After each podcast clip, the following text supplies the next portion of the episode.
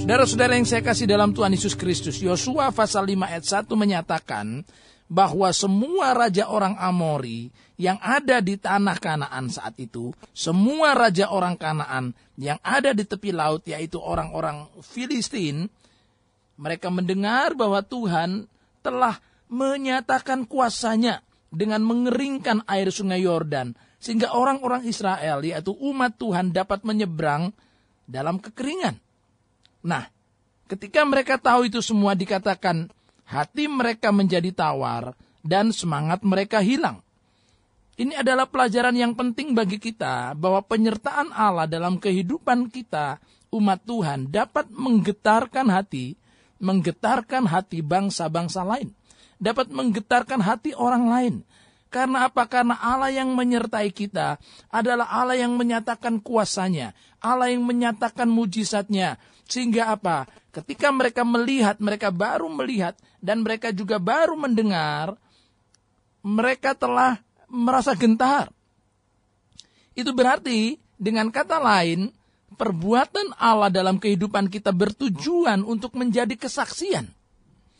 Allah menolong kita bukan semata-mata untuk kepentingan diri kita, supaya kita terlepas dari segala masalah, supaya kita bisa tertolong dari segala problema yang kita hadapi, tetapi sekaligus juga supaya melalui karyanya itu, maka ada kesaksian yang dapat dilihat, yang dapat didengar oleh orang lain. Dan ketika mereka mendengar, ketika mereka melihat apa yang telah Tuhan kerjakan dalam kehidupan kita, maka mereka mengakui kedahsyatan Tuhan dan menjadi harapan kita kemudian mereka menjadikan Allah yang kita panggil Bapa di dalam nama Tuhan Yesus Kristus sebagai Allah mereka. Pertolongan Tuhan adalah awal dari sebuah kesaksian. Itu berarti ketika kita sudah mengalami pertolongan Tuhan dan kita tidak tiba kepada tujuan ini, yaitu menjadi saksinya, maka karya Tuhan dalam kehidupan kita tidak mencapai sasarannya. Mari kita berdoa supaya ketika kita mengalami pertolongan Tuhan, maka orang-orang di sekitar kita, mungkin anggota keluarga kita sendiri, mungkin itu teman-teman di kantor atau di sekolah kita, melihat pertolongan Tuhan dalam hidup kita, mujizat karena kita disembuhkan, pertolongan Tuhan karena kita dalam keadaan yang terjepit, kemenangan karena kita sedang dalam keadaan tantangan, semua itu membuat mereka bertanya kepada kita apa yang menyebabkan kita bisa mengalami segala sesuatu itu dan kita mulai menceritakan kepada mereka tentang siapa Tuhan yang telah menolong kita. Kalau saudara melihat di perjanjian baru, semua pertolongan-pertolongan yang dinyatakan Tuhan selalu berakibat kepada kesaksian. Bagaimana Tuhan misalnya saja menyembuhkan orang yang lumpuh melalui pelayanan Yohanes dan Simon Petrus di gerbang indah itu atau di pintu elok itu. Itu langsung menjadi kesaksian. Orang terheran-heran yang seperti ini belum pernah terjadi, yang seperti ini belum pernah kita lihat. Nah, saudara-saudara, mari kita mau mengalami kuasa Tuhan. Kita mengalami mujizat Tuhan, tetapi bukan semata-mata untuk kepentingan diri kita sendiri, melainkan merupakan bagian daripada kesaksian kita bisa berdoa Tuhan tolonglah saya supaya dengan pertolongan yang Tuhan nyatakan dalam hidup saya ini menjadi kesaksian bagi orang lain. Nah dengan demikian saudara-saudara dua tujuan dalam mujizat Tuhan tercapai yaitu untuk supaya kita tertolong, kita mengalami solusi, memperoleh solusi yang daripada Tuhan dan yang kedua ada tujuan kesaksian dan orang-orang tahu siapa Tuhan yang telah menolong kita. Ini adalah pelajaran yang pertama dan menurut saya adalah pelajaran yang penting. Nah mari kita lihat sekarang pelajaran yang kedua. Yosua pasal 5 kita membaca ayat 2 dan 3 lalu kita lompat ke ayat 7 sampai 9. Demikian firman Tuhan. Pada waktu itu berfirmanlah Tuhan kepada Yosua, "Buatlah pisau dari batu dan sunatlah lagi orang Israel itu untuk kedua kalinya Lalu Yosua membuat pisau dari batu dan disunatnya lah orang Israel itu di bukit kulit khatan. Lalu ayat 7 sampai 9, tetapi anak-anak mereka yang telah dijadikannya ganti mereka, mereka itulah yang disunat Yosua, sebab mereka belum bersunat karena mereka tidak disunat dalam perjalanan. Setelah semua bangsa itu selesai disunat, maka tinggallah mereka di tempatnya masing-masing di perkemahan itu sampai mereka sembuh dan berfirmanlah Tuhan kepada Yosua, "Hari ini telah kuhapuskan celah Mesir itu daripadamu. Itulah sebabnya nama tempat itu disebut Gilgal sampai sekarang. Nah saudara-saudara sebelum mereka menikmati segala berkat Tuhan di tanah perjanjian, ada beberapa hal yang harus mereka lakukan. Yang pertama adalah supaya mereka yang belum pernah disunat, mereka yang lahir di padang belantara, belum pernah disunat mereka harus disunat terlebih dahulu. Nah di dalam perjanjian lama, saudara-saudara, sunat merupakan tanda perjanjian. Kita akan melihat kembali hal itu dalam kejadian pasal yang ke-17, tanda perjanjian. Kejadian pasal yang ke-17, kita akan membaca ayat 9 sampai ayat 14. Lagi firman Allah kepada Abraham, dari pihakmu engkau harus memegang perjanjianku, engkau dan keturunanmu turun-temurun. Inilah perjanjianku yang harus kamu pegang, perjanjian antara aku dan kamu serta keturunanmu, yaitu setiap laki-laki di antara kamu harus disunat. Haruslah dikerat kulit khatanmu, dan itulah akan menjadi tanda perjanjian antara aku dan kamu. Anak yang berumur delapan hari haruslah disunat, yakni setiap laki-laki di antara kamu turun-temurun, baik yang lahir di rumahmu maupun yang dibeli dengan uang dari salah seorang asing, tetapi tidak termasuk keturunanmu. Orang yang lahir di rumahmu dan orang yang kau beli dengan uang harus disunat. Maka dalam daging mula perjanjianku itu menjadi perjanjian yang kekal dan orang yang tidak disunat, yakni laki-laki yang tidak dikerat kulit katannya, maka orang itu harus dilenyapkan dari antara orang-orang sebangsanya. Ia telah mengingkari perjanjianku. Nah, saudara-saudara sunat sebagai tanda perjanjian. Hal ini telah saya jelaskan dalam pelajaran-pelajaran yang lalu. Sunat sebagai tanda perjanjian antara Allah dengan umatnya. Dan kalau kalau ini adalah bayi, dikatakan bahwa bayi itu disunat pada hari yang ke-8 pada hari yang ke-8. Nah bagaimana saudara-saudara dengan Tuhan Yesus Kristus sendiri yang secara daging adalah keturunan daripada Abraham. Mari kita lihat di dalam Injil Lukas pasal yang kedua. Injil Lukas pasal yang kedua, ayat yang ke-21. Dan ketika genap delapan hari dan ia harus disunatkan, ia diberi nama Yesus, yaitu nama yang disebut oleh malaikat sebelum ia dikandung ibunya. Nah saudara-saudara Yesus juga menjalani perjanjian ini, simbol perjanjian ini. Ia disunat pada hari yang ke-8. Pertanyaannya adalah mengapa pada hari yang ke-8? Saya mendapatkan informasi dari eh, kesehatan, dunia kesehatan bahwa bayi yang berumur 8 hari adalah bayi yang memiliki sifat kekebalan imun yang terbaik. Sehingga apa ketika dia disunat pada hari yang ke-8, kemungkinan untuk dia mengalami infeksi itu kecil sekali. Itu berarti Tuhan sudah mengatur sedemikian rupa. Pada hari yang ke-8 harus disunat. Tepat pada hari yang ke-8 harus disunat. Supaya apa? Supaya tidak mengalami infeksi. Dan saudara-saudara, kalau kita lihat makna yang kedua dari sunat ini, kalau tadi yang pertama adalah sunat secara fisik, sunat secara tubuh, yaitu kulit khatan yang dipotong, saudara-saudara itu sebagai tanda perjanjian, tapi yang kedua sebenarnya makna daripada sunat adalah lebih kepada sunat hati, sunat lebih kepada simbol. Dalam Roma pasal yang kedua, kita lihat surat Roma pasal yang kedua, ayat yang ke-29 berkata demikian. Roma pasal 2 ayat 29. Tetapi orang Yahudi sejati, ialah dia yang tidak nampak keyahudiannya. Dan sunat ialah sunat di dalam hati secara rohani, bukan secara hurufiah. Maka pujian baginya datang bukan dari manusia, melainkan dari Allah.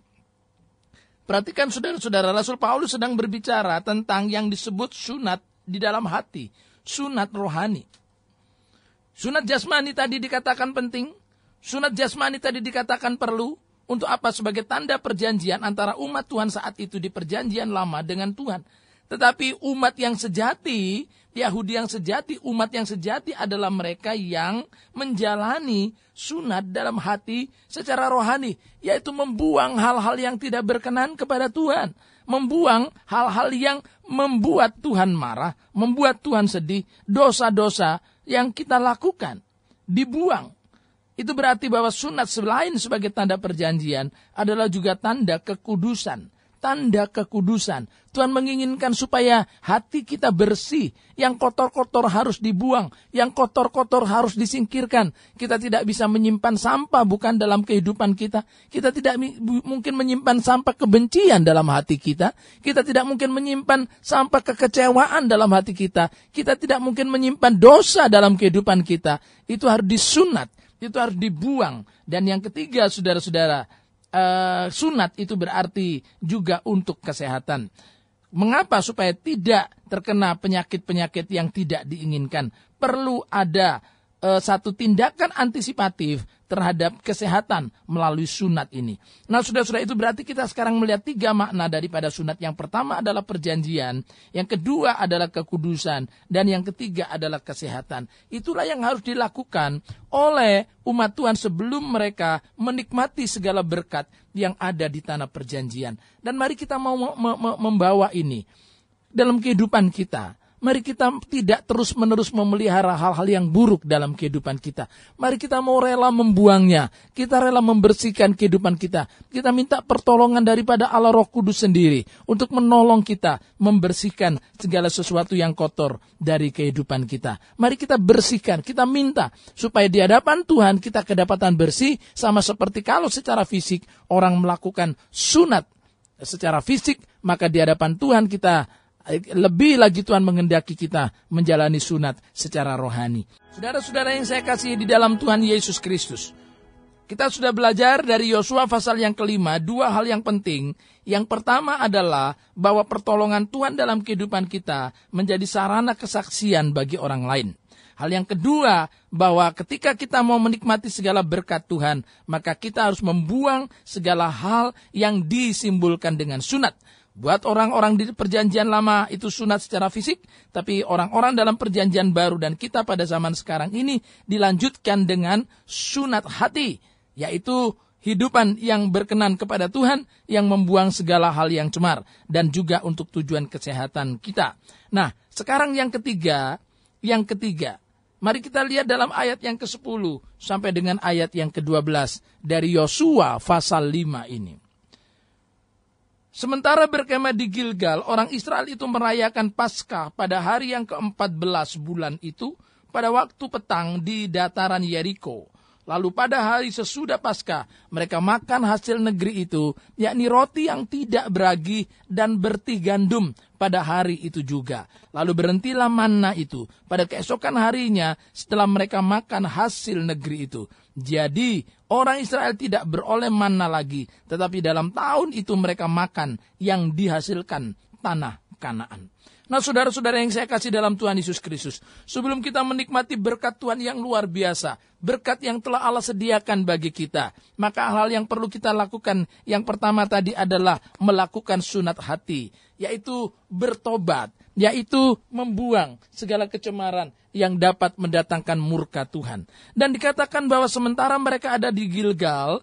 Dikatakan mereka merayakan Paskah sebagaimana petunjuk daripada firman Tuhan. Paskah berasal dari kata Ibrani pesa yang artinya melalui, melewati. Dan kita diingatkan dengan Paskah ini bagaimana maut telah melewati rumah-rumah orang Israel di Mesir ketika ada malaikat maut saudara-saudara yang mencabut nyawa setiap anak yang sulung di orang di daerah Mesir tetapi orang-orang yang rumahnya diberi tanda darah mereka terlewatkan dan malaikat tidak masuk untuk mencabut nyawa anak sulung mereka. Itulah sebabnya lalu disebut pasca.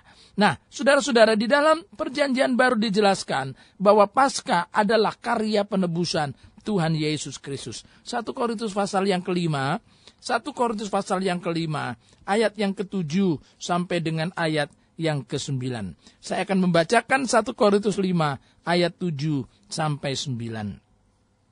Buanglah ragi yang lama itu, supaya kamu menjadi adonan yang baru, sebab kamu memang tidak beragi. Sebab anak domba pasca kita juga telah disembelih, yaitu Kristus.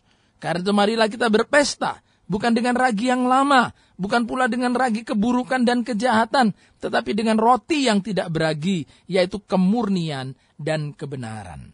Nah saudara-saudara, sunat tadi dilanjutkan dengan menerima karya penebusan Yesus Kristus sebagai anak domba Paskah yang telah disembelih. Yesus Kristus telah menjalani penderitaan yang luar biasa. Ia memikul salibnya sampai ke Golgota. Ia menyerahkan nyawanya di sana. Ia dipandang sebagai anak domba Allah yang telah disembelih. Dan itu berarti hanya oleh karena karya penebusan Yesus Kristus, maka setiap kita dapat menikmati berkat-berkat tanah perjanjian. Itulah sebabnya Yosua, sesuai dengan perintah Tuhan menyuruh mereka merayakan Paskah ini. Mengingat kembali, saudara-saudara, apa yang telah Tuhan lakukan ketika Tuhan mengeluarkan mereka dari Mesir. Sama seperti kita yang hidup pada masa kini. Kita makan perjamuan suci. Kita diingatkan akan korban Tuhan kita Yesus Kristus di kayu salib Golgota. Itu tidak boleh sama sekali kita lupakan. Dan setiap bulan kita bisa merayakannya. Atau mungkin bahkan di beberapa gereja setiap minggu merayakannya. Mengingatnya kembali tentang karya penebusan Yesus Kristus dalam kehidupan kita. Itu yang membuat dikatakan dari tadi dalam surat Korintus. Kita memiliki satu kehidupan yang baru. Kita tidak lagi hidup dengan ragi yang lama tapi lagi yang baru yaitu kemurnian, yaitu kebenaran, yaitu kehidupan yang diperkenan Tuhan, yaitu kehidupan yang sungguh-sungguh saudara-saudara, suatu kehidupan yang baru. Yang lama itu sudah ditanggalkan, yang lama itu sudah lenyap, dan yang baru itu sudah terbit. Sunat membuang, dan kemudian pasca itu menerima. Membuang, kita sendiri saudara-saudara harus membuang hal-hal yang tidak baik. Dan kemudian kita datang kepada Tuhan dan menerima karya penebusannya, karya pengudusannya oleh darah salib Yesus Kristus. Ini adalah hal yang ketiga. Sebelum umat Tuhan, saudara-saudara memasuki tanah perjanjian, maka pertama-tama mereka mengalami mujizat Tuhan yang mendatangkan kesaksian. Yang kedua, mereka e, menjalani sunat, yaitu membuang hal-hal yang tidak berkenan kepada Tuhan. Dan yang ketiga, mereka merayakan Paskah. Mereka makan roti yang tidak beragi sebagai tanda bahwa mereka membuang sesuatu yang lama dan mereka menerima karya penebusan Allah yang sekarang digenapi di dalam Tuhan Yesus Kristus. Lah barulah saudara-saudara mereka kemudian dapat menikmati. Ayat yang ke-12 dikatakan di sana menikmati hasil dari tanah Kanaan, hasil dari tanah perjanjian. Mana kemudian berhenti, tidak turun lagi kepada mereka karena mana memang disediakan Allah ketika umat Tuhan berada di perjalanan dari Mesir sampai Isra, sampai Kanaan. Tapi ketika sudah menikmati hasil Kanaan, maka mana itu berhenti itu berarti bahwa penyertaan Tuhan, pemeliharaan Tuhan dalam kehidupan umatnya tidak pernah berhenti. Mananya bisa berhenti, tapi disambung dengan hasil dari tanah kanaan. Seringkali saudara-saudara ini tidak dapat kita mengerti. Mengapa Tuhan sesuatu yang selama ini menjadi tumpuan saya, sesuatu yang selama ini telah menghidupi saya, kenapa sekarang tidak lagi? Mengapa berubah menjadi hasil yang tanah kanaan yang berbeda dengan mana? Saudara-saudara, mari kita mau tetap bersyukur dalam segala perkara. Mungkin saja cara atau bentuk pemeliharaan Allah dalam kehidupan kita berbeda. Dari mana diganti dengan hasil tanah kanaan. Tetapi itu tidak mengapa. Karena pasti Tuhan menyediakan sesuatu yang lebih baik. Jika Tuhan membawa kita dari hari ke hari pengalaman demi pengalaman, maka pengalaman kita yang terbaru lebih baik daripada pengalaman sebelumnya. Karena Tuhan sedang menuntun kita menuju kepada kesempurnaan. Kata kesempurnaan itu berarti hal-hal yang lebih baik. Oleh sebab itu kita harus tetap bersyukur ketika mungkin sesuatu yang selama ini kita senangi, sesuatu yang termasuk dengan comfort zone, zona yang nyaman, zona yang yang yang yang rasanya kita tidak ingin lagi diutak-atik, tapi kemudian Tuhan menginginkan kita uh, mengalami sesuatu yang baru yang diistilahkan saudara dengan kata change change, perubahan. Change juga berarti pembaharuan. Change juga berarti pemulihan. Ada sesuatu yang sudah enak, yang sudah nyaman, yang sudah sudah terbiasa kita nikmati, tapi Tuhan sedang mengerjakan sesuatu yang baru dan ini saudara harus kita terima dengan penuh ucapan syukur. Tidak mudah untuk orang mengalami suatu perubahan. Tidak mudah untuk orang menerima saudara sesuatu yang yang yang pengalaman baru yang yang akan membongkar yang akan mengganti semua pengalamannya yang lama. Ada orang-orang, saudara-saudara yang begitu sulitnya untuk menerima suatu hal yang baru. terutama bagi orang-orang yang berusia lanjut, sangat sulit untuk menerima sesuatu yang baru. Padahal Allah menyediakan bagi kita sering kali itu hal-hal yang baru. Bahkan ia juga pernah berkata di dalam kitab Yesaya, supaya apa? Kita tidak terus mengingat hal-hal yang lalu, hal-hal yang telah lewat. Karena Allah sedang mengerjakan sesuatu yang baru dalam kehidupan kita. Mari saudara-saudara kita menjadi orang yang tidak putus asa. Tidak menjadi orang yang yang yang mudah e, menyerah. Tapi mari kita mau mau memandang cara Tuhan memelihara kita. Yang satu Tuhan bisa hentikan untuk dilanjutkan dengan hal yang lain. Mungkin saudara sedang dipindahkan oleh Tuhan dari satu pekerjaan yang nampaknya sudah nyaman selama ini, sudah enak selama ini, tapi saudara disuruh oleh Tuhan untuk mengerjakan sesuatu di tempat pekerjaan yang baru. Sudah dipindahkan oleh Tuhan mungkin ke kota yang baru, sudah mungkin dipindahkan ke sekolah yang baru atau lingkungan pelayanan yang baru. Tapi percayalah, di mana pun Tuhan menyertai kita, apakah itu tempat yang baru sekalipun, maka itu menjadi sorga bagi kita. Ketika Allah mengajarkan kita sesuatu yang baru, mari kita mau menerimanya dengan penuh sukacita. Nah, saudara-saudara yang saya kasih dalam Tuhan Yesus Kristus, pelajaran yang baru saja kita pelajari dari Yosua pasal yang kelima ini adalah bahwa Tuhan menginginkan supaya kita merayakan Paskah dan kita dapat menikmati berkat-berkat dari tanah perjanjian dan berkat tanah perjanjian itu mau tidak mau menghentikan kehidupan yang yang yang selama ini sudah enak dijalani, kehidupan dengan mana yang sudah begitu nyaman dan sekarang diganti dengan hasil dari tanah perjanjian. Bersiaplah untuk sesuatu yang baru yang Allah sedang kerjakan dalam kehidupan saudara. Dan jangan menolak pembaharuan, pemulihan yang Tuhan sedang kerjakan. Dari Yosua pasal yang kelima, kita sudah mempelajari tiga hal yang penting. Yang pertama adalah bahwa penyertaan dan mujizat Tuhan mendatangkan kesaksian yang efektif. Dan yang kedua, bahwa kita harus menjalani sunat hati, yaitu apa? Membersihkan saudara-saudara dari kekotoran-kekotoran, kenajisan-kenajisan. Dan yang ketiga kita harus merayakan Paskah, mensyukuri karya penebusan Tuhan kita Yesus Kristus dan kemudian kita dapat menikmati berkat di tanah perjanjian yang mungkin akan membuat kita harus meninggalkan kebiasaan-kebiasaan kita yang lama karena Tuhan sedang menyediakan sesuatu yang baru. Mari sekarang kita lihat yang keempat, ayat yang ke-12 maaf ayat yang ke-13 sampai dengan ayat 15. Yosua pasal 5 ayat 13 sampai 15. Ketika Yosua dekat Yeriko, ia melayangkan pandangnya. Dilihatnya seorang laki-laki berdiri di depannya dengan pedang terhunus di tangannya. Yosua mendekatinya dan bertanya kepadanya, "Kawankah engkau atau lawan?" Jawabnya, "Bukan, tetapi akulah panglima bala tentara Tuhan. Sekarang aku datang. Lalu sujudlah Yosua dengan mukanya ke tanah, menyembah dan berkata kepadanya, apakah yang akan dikatakan Tuanku kepada hambanya ini?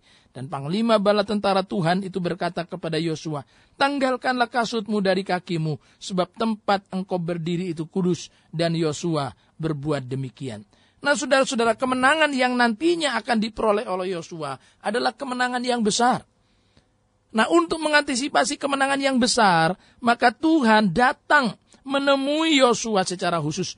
Dan saudara-saudara bagian ini, Yosua pasal 5 ayat 13 sampai 15 oleh kalangan eh, para teolog disebut sebagai teofani, yaitu penampakan Allah dalam rupa manusia yang bisa muncul beberapa kali dalam perjanjian lama dan ini adalah salah satunya. Ada teofani di situ, Allah menampakkan diri yaitu Yesus Kristus sendiri sebagai panglima bala tentara Tuhan. Itulah sebabnya ia tidak menolak kata Yosua menyembahnya. Ini bukan sekedar malaikat, karena malaikat tidak boleh disembah. Tapi ini adalah Tuhan sendiri dan Yosua menyembahnya. Dan sudah-sudah dikatakan panglima bala tentara Tuhan itu datang. Untuk apa? Untuk saudara sesuatu yang besar. Apa sesuatu yang besar? Kemenangan Yosua bukan sekedar atas Yeriko. Kemenangan yang diharapkan, yang terjadi yang dialami oleh Yosua adalah menang terhadap diri sendiri. Menang atas apa? Menang atas kesombongan. Karena ketika prestasi akan diperoleh, ketika prestasi akan dicapai, orang langsung sudah siap-siap untuk menyombongkan dirinya. Dan Allah tidak mengendaki akan hal itu. Bahwa kemenangan besar atas Yeriko dan atas seluruh kanaan nantinya bukan semata-mata karena kuat dan gagah daripada Yosua tetapi karena Tuhan berkenan memakainya, karena Tuhan yang memberinya kemampuan, Tuhan yang memberinya hikmat, Tuhan yang memberinya kepandaian, Tuhan yang memberinya kemampuan-kemampuan yang luar biasa, sehingga apa yang dapat kita katakan adalah tetap merendahkan diri di hadapan Tuhan. Itulah sebabnya Panglima Bala Tentara Tuhan itu berkata, Aku bukan teman dan juga bukan lawanmu. Artinya bisa menjadi teman kalau Yosua mau tetap rendah hati, tetapi bisa menjadi lawan jika karena prestasinya yang luar biasa lalu Yosua meninggikan dirinya, menjadi sombong, menjadi angku, saudara-saudara. Dan sering kali itu yang terjadi. Banyak orang bisa menang terhadap berbagai pergumulan hidup, banyak orang bisa menang terhadap berbagai kesulitan, tapi ia kalah terhadap kesombongan.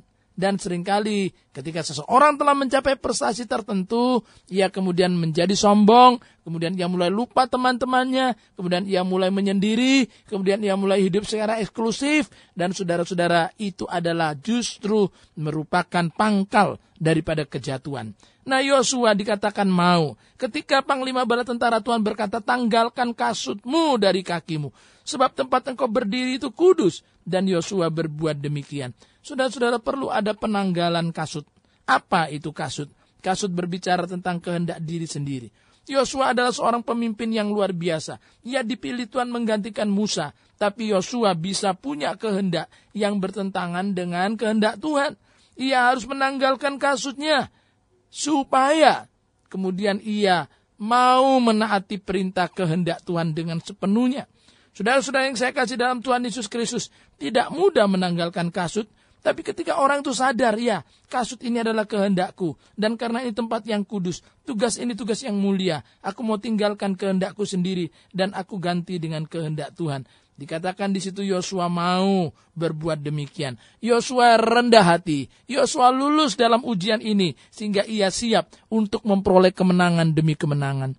Saudara-saudara yang saya kasih dalam Tuhan Yesus Kristus. Dari Yosua pasal yang kelima ini, kita sudah belajar empat hal yang penting. Hal yang pertama, biarlah kiranya karya Allah yang besar dalam kehidupan kita. Membuat kesaksian kita bagi orang-orang di sekitar kita menjadi kesaksian yang efektif. Dan yang kedua, mari kita mau menyunat hati kita. Kita mau membuang segala kekotoran. Kita mau membuang segala dosa. Kita mau membuang segala hawa nafsu kita. Dan kita mau melanjutkannya dengan merayakan Paskah, karya penebusan dari Tuhan kita Yesus Kristus dalam kehidupan kita. Dia telah mati bagi kita, menyediakan bagi kita jalan keselamatan yang pasti.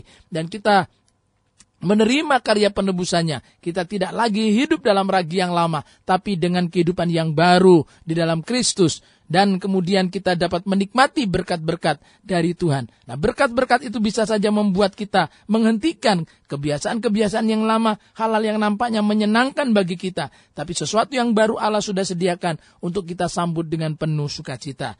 Nah, kemudian yang keempat kita belajar tentang kerendahan hati. Ada prestasi-prestasi yang dijanjikan Tuhan di masa depan, ada hal-hal yang telah disediakan Tuhan bagi kita di masa depan, tapi diharapkan kita tetap rendah hati. Ketika kita mencapai prestasi kita tidak tidak lupa bahwa semuanya itu adalah dari Tuhan semata-mata. Kita hanya alatnya. Kita hanya saudara-saudara menjadi alat Tuhan. Tuhan sendirilah yang telah memberikan kepada kita kemampuan untuk mencapai prestasi itu. Dan kita diharapkan untuk mengikuti kehendak Tuhan, menanggalkan kasut keinginan diri kita sendiri. Ketika kita berjalan menurut pimpinan Tuhan, maka kemenangan demi kemenangan akan kita peroleh. Amin. Mari kita berdoa. Terima kasih Bapak kami bersyukur untuk kebenaran firman-Mu dari Yosua pasal 5 ini. Kami belajar tentang hal-hal yang penting untuk kami lakukan dalam hidup kami. Biarlah karyamu menjadi kesaksian dalam hidup kami. Biarlah kami berani untuk menjalani sunat hati. Biarlah kami juga penuh ucapan syukur mengingat kembali karya Tuhan Yesus Kristus di kayu salib Golgota. Dan kami rela memasuki pengalaman-pengalaman yang baru bersama dengan Tuhan. Dan kami juga mau memiliki kehidupan penuh kerendahan hati, di mana kami tunduk pada kehendak Tuhan, karena jalanmu bukan jalan kami, oh rencanamu bukan rencana kami, sejauh langit dari bumi, biarlah kiranya kehendak rencana Tuhan saja yang jadi dalam hidup kami. Di dalam nama Tuhan Yesus Kristus, kami berdoa, haleluya, amin.